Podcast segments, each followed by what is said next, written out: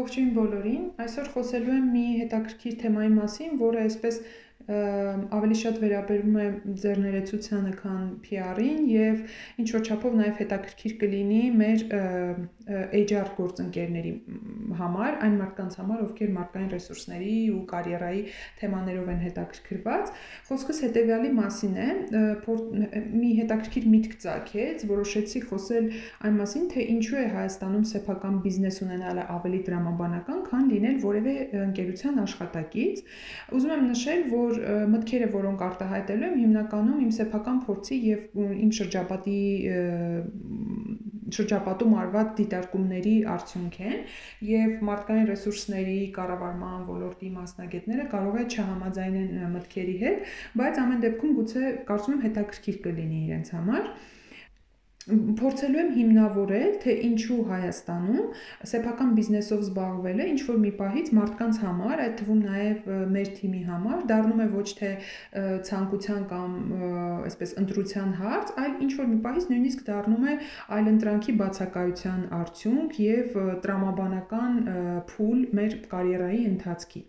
Ես առհասարակ մարդու կարիերայի ընթացքը բաժանել եմ 3 փուլերի, ելի կարող է մասնագետները չհամաձայնեն, բայց սեփական դիտարկումների արդյունքն է եւ այս 3 փուլերը հիմա կարճ կնկարագրեմ եւ կբացատրեմ թե որ փուլում է նու դա երրորդ փուլում է կարիերայի ընթացքի երբ որ գալիս է այն գիտակցության որ սեփական բիզնեսով զբաղվելը այլընտրանք չունի Եվ այսպես, առաջին փուլը դա կարիերայի սկիզբ ենք անվանել 18-ից 23 տարեկան պայմանական տարիքն ենք վերցրել։ Մենք ավարտում ենք համասարանը եւ մեր նպատակը աշխատանք գտնելն ու փորձ ձեռք բերելն է։ Այս փուլում մեր նպատակը ուղակի նպատակն է ուղակի ունենալ աշխատանք եւ ցանկացած աշխատանք գտնելիս մենք ուրախանում ենք, որովհետեւ համասարանը նոր ավարտելուց հետո խնդիր է ուղակի հասկանալ, արդյոք դու պահանջված մասնագետ ես աշխատաշուկայում, թե ոչ։ Եվ պետք է նշեմ, որ հայաստանյան աշխատաշուկան այս կարիերայի այս փուլի համար բավականին լավ պայմաններ ունի։ Այսինքն, եթե դու ավարտել ես համասարանը, լավ ես, լավ արդյունքներով ես ավարտել, հետաքրքրվող ես, հաստատ կգտնես որևէ հետաքրքիր աշխատանք քեզ համար այս փուլի հետ կապված որևէ խնդիր չկա, չենք տեսնում։ Հիմա երկրորդ փուլը Եվ պետք է նշեմ, հա, վերադառնալով առաջին փուլին, որ գործատուները իրենք էլ շատ հեշտությամբ կարող են գտնել կարիերայի այս փուլում գտնվող մասնագետների ընտրությունը շատ-շատ է գաղտնիք չէ, որ մեզ մոտ համասարանները շատ ավելի շատ մասնագետներ են ամեն տարի բաց թողնում, քան ունի դրա պահանջարկը աշխատաշուկա։ Այսպես երկրորդ փուլը պրոֆեսիոնալ փուլ ենք պայմանական անվանել 23-ից 27 տարեկան, հա, այդ տարիքը դիտարկենք մոտավորապես Այս փուլում արդեն ունես որոշակի փորձառություն, բայց նաև պահանջներն են մի փոքր մեծանում, ոչ միայն աշխատանք ես ուզում, այլ նաև հետաքրքիր աշխատանք, աշխատանք, որտեղ կարող ես մասնագիտական աճ ունենալ, որտեղ նոր գիտելիք ձեռք կբերես, կարիերայի աճ, լավ աշխատավարձ եւ այլն, մի խոսքով։ Բայց այս փուլը նաև փնտրտուքների փուլ է, որովհետև շատերը այս փուլում նաև որոշում են երկրորդ կրթություն ստանալ կամ խորացնել մասնագիտական գիտելիքները սովորաբար Հայաստանում օրինակ շատ ընկերներ ու ծանոթներ ունեմ, որոնք այս փուլում արտասահմանում արտերկրում են կրթություն ստանում, այսինքն այս փուլում հասկանում ես, որ դեռ մասնագիտական աճի կարիք ունես եւ Այս փուլի համար եւս հայաստանյան աշխատաշուկան վատ պայմաններ չունի եւ այս կարիերայի երկրորդ փուլում, հա, այդպես 27, 28 մինչեւ 30 տարեկան մարդիկ նաեւ կարիերայի որոշակի աճ են ունենում որոշ ընկերություններում, բայց դա այն, այսպես ասած, լիմիտն է, հա, այն սահմանագիծն է, որին Հայաստանում մարդիկ շատ շուտ են հասնում, քանի որ աշխատաշուկան շատ փոքր է։ Այսինքն, եթե դրսում որևէ մեծ ընկերությունում պաշտոնի կամ որոշակի դիրքի հասնելու համար ավելի երկար ժամանակ է պետք, Հայաստանում այդ ժամանակահատվածը ավելի կարճ է, մարդիկ շատ արագ են հաջողություններ գրանցում, եթե ձգտող են եւ աշխատասեր, հա։ Այս փուլի համար եւս տեսնում ենք, որ բավականին լավ պայմաններ ունի մեր աշխատաշուկան եւ ահա գալիս ենք երրորդ փուլին, որտեղ դուրս են ջրի երես են դուրս գալիս բոլոր խնդիրները եւ որի մասին մի քիչ ավելի երկար կխոսեմ։ Սա կայացած մասնագետների մասին է արդեն փուլը, երբ որ 28 եւ բարձր, հա, տարիքի մասին ենք խոսում, երբ որ մարդը ունի գիտելիք, փորձառություն, մի խոսքով բոլոր անհրաժեշտ որակավորումները ունի ավելի լավ կարիերա ունենալու համար։ Եվ այստեղ առաջ են գալիս խնդիրները, որովհետև մարդը ուզում է ունենալ ոչ միայն աշխատանք, բարձր վարձատրվող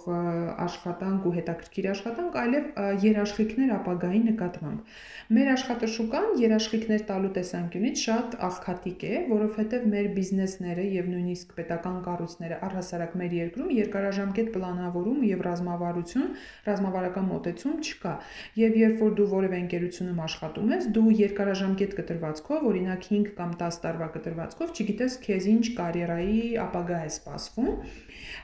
իսկ սա բերում է նրան, որ սրա բացակայությունը բերում է նրան, որ մարդիկ եւս լոյալ ու հավատարիմ չեն լինում այն կառույցին, որտեղ որ աշխատում են եւ անընդհատ փնտրտուքների մեջ են, հա։ Եվ այստեղ է գալիս, որ մարդիկ սկսում են, հա, ընտրություն, ընտրության առաջ են կանգնում, շարունակել փնտրտուքները, թե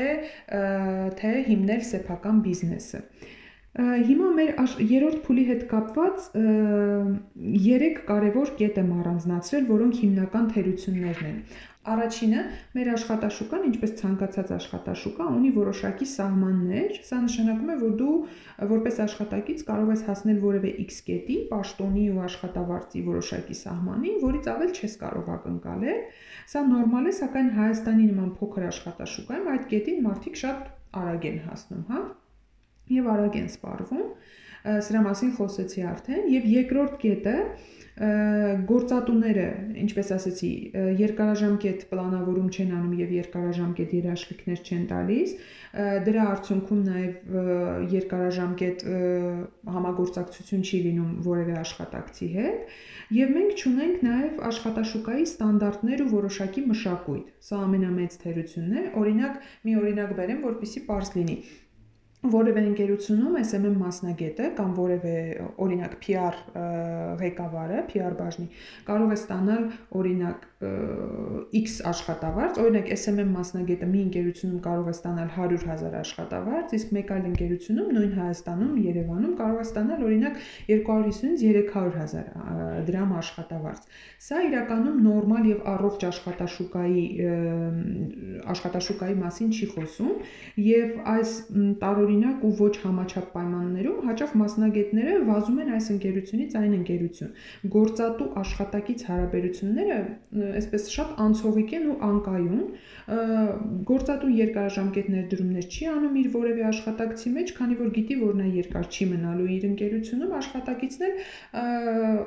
ընդմիջման ժամերին նայում է, թե որտեղ են ավելի լավ վարձատրում SMM մասնագետին օրինակ։ Այսինքն պրոֆեսիոնալ ամենաբարձր չափորոշիչները չկան մեր բիզնես միջավայրում եւ նաեւ առհասարակ աշխատաշուկայում։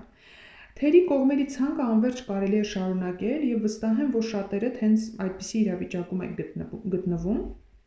Ամփոփելով կարող եմ ասել, որ հենց նշված կետերը ձեր կարիերայի ինչ-որ փուլում բերում են այն մտքին, որ Հայաստանում սեփական բիզնես ունենալը լավագույն ներդրումն է սեփական կարիերայի մեջ,